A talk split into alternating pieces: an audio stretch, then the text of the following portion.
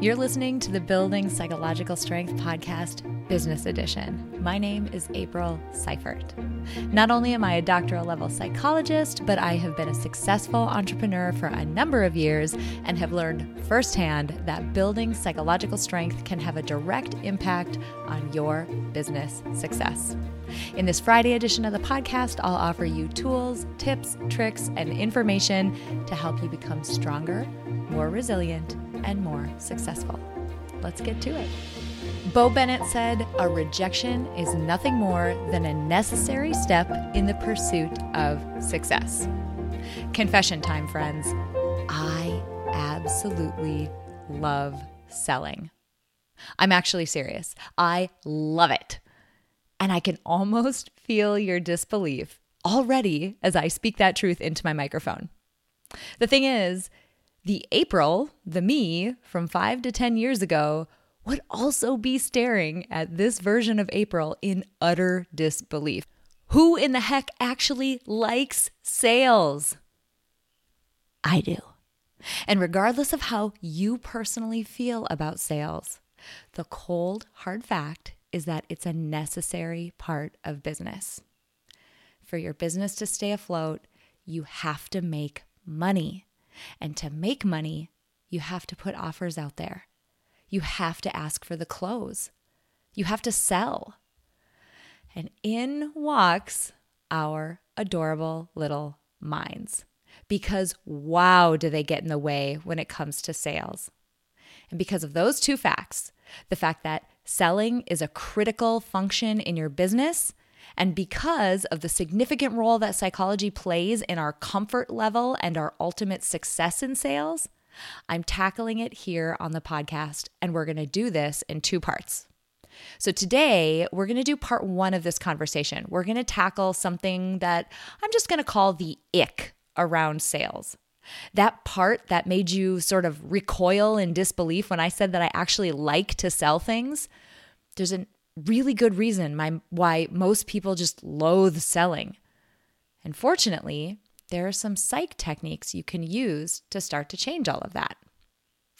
Then, next week, in part two of this conversation, I'll talk about what sales can be if you change your relationship with it. These two episodes represent two fundamental, game changing sides of the coin that took me from a meek, anxious, hyper reluctant seller into someone who lives and breathes it every day in her businesses. So, catch these two episodes, share them with other business owners, salespeople, entrepreneurs in your life. They will thank you for it.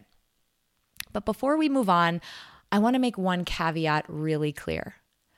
I know that there are some sketchy people and sketchy tactics in sales. Just like any other situation, there are people out there whose goal it is to pressure you or take advantage of you and other shady things. This is not what we're talking about in this two part series. Rather, I'm speaking to the genuine business owners and entrepreneurs who truly want to add value, make a difference, and solve a problem for their clients or customers. So, with that said, let's move on. Most of the fear that we have around the idea of sales centers on one thing, and I'm sure you know what that is it's rejection right? As human beings, we are hardwired to avoid rejection. We want to fit in, we want to be accepted, and it is evolutionarily favorable for us to do so. But it's also not possible in business to attempt to sell your product or service without being rejected, unfortunately. I mean, think about it. Just think about average conversion rates. That's the rate of people who buy from you in comparison to the people who just come into contact with your product or service in the market, like whatever that percentage is. And on average, it varies from 2.5% for like cold online traffic or leads to maybe 50% if you have a highly qualified, highly, highly qualified, warm in person lead. So that means at best, like the best scenario, you are killing it if you're rejected half the time. you just can't avoid it.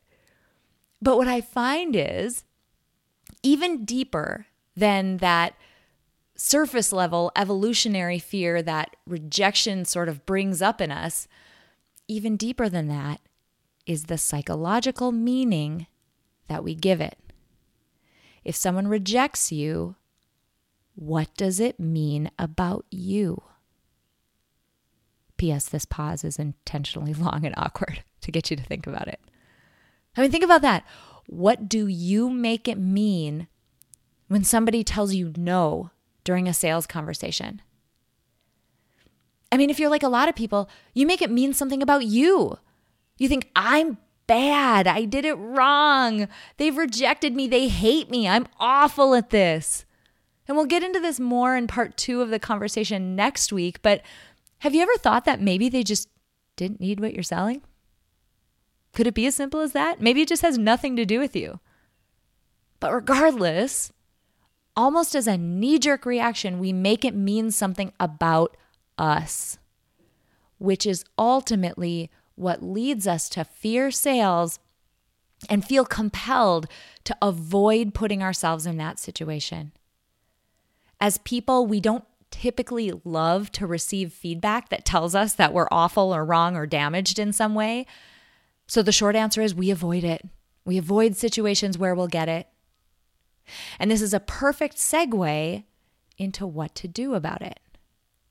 There's this really cool concept in psychology right now that basically amounts to psychological distance. Being able to create psychological distance between you, the intentional, thinking, true, real you, and a set of thoughts or feelings.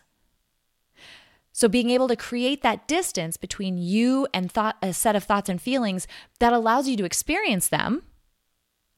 You're not trying to avoid that to avoid them, but you don't get so hooked or tangled up in them. Let me give you an analogy that might help th- make things a little bit more clear. Imagine you are in a swimming pool and you're holding a beach ball.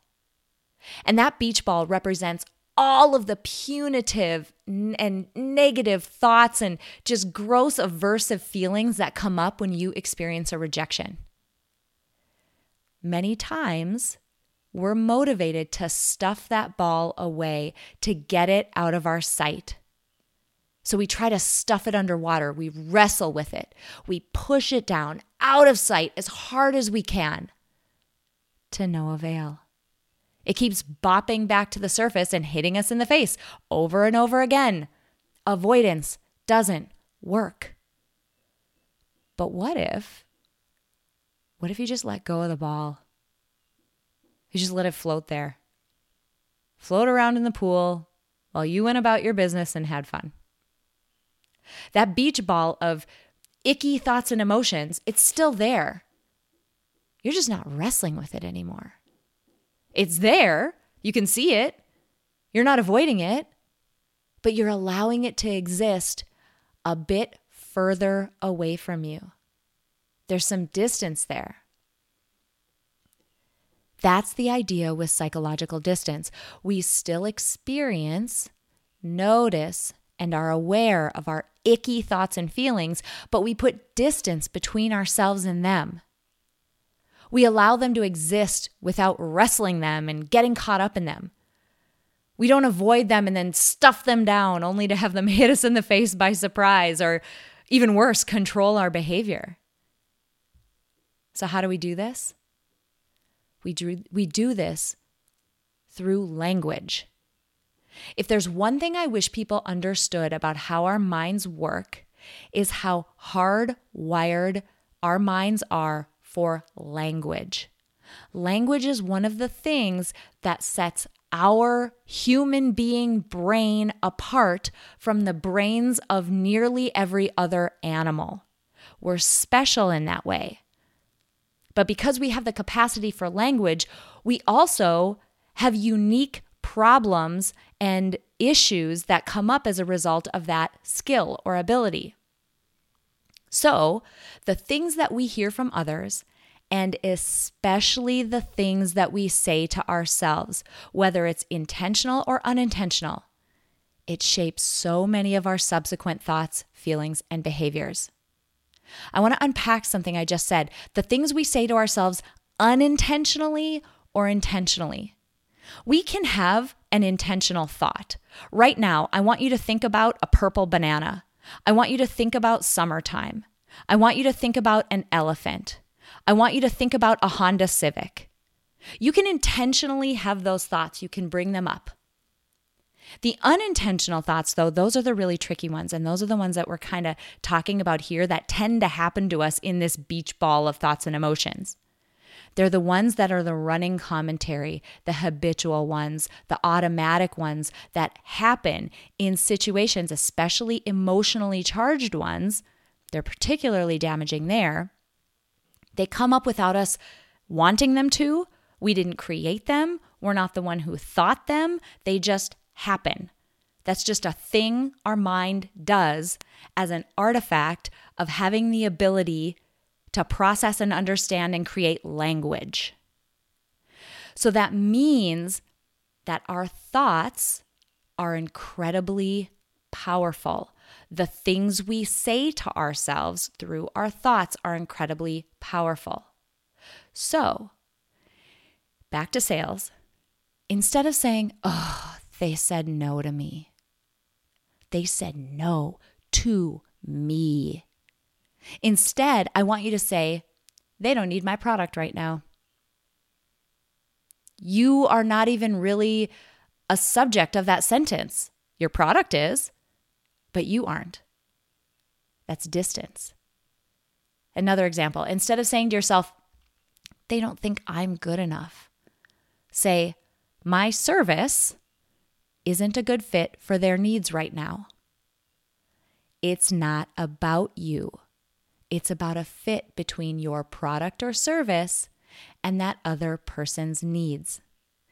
Make it in your thoughts, make it about your product or service, not about you. Create that distance intentionally. You're using an intentional thought to subvert or go over the top of an unintentional habitual thought. Now, fair warning this is going to feel awkward. It's going to feel contrived and inauthentic at first. It's going to feel about as comfortable as a Charles Barkley golf swing. And if you don't know the reference, please do, your, yourself a favor and go Google Charles Barkley golf swing.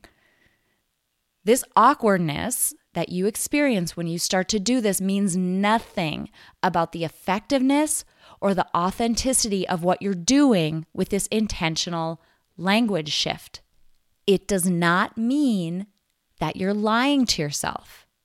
What it does mean is you're working on changing a mental habit that your mind is very familiar and comfortable with. Those unintentional thoughts, those are mental habits. They happen over time, they get really ingrained, and we have to work hard to change them. It feels uncomfortable at first. There's always going to be some awkwardness there. For real. Go watch Charles Barkley's golf swing. You'll thank me for it. The fact is, sales is a mission critical activity that you'll do in your business. You can't survive without it.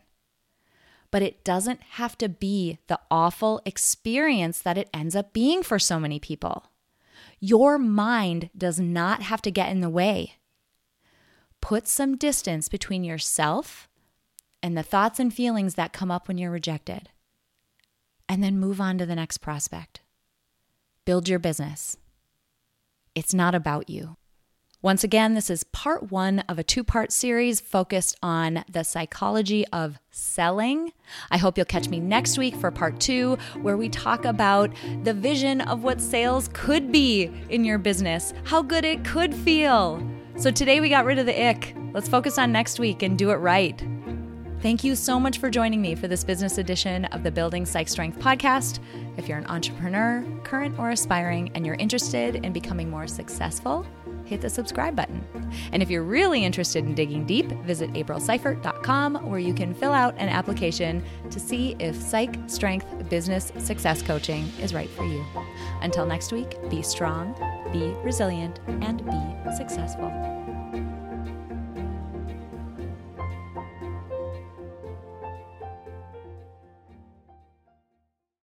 At Parker, our purpose is simple.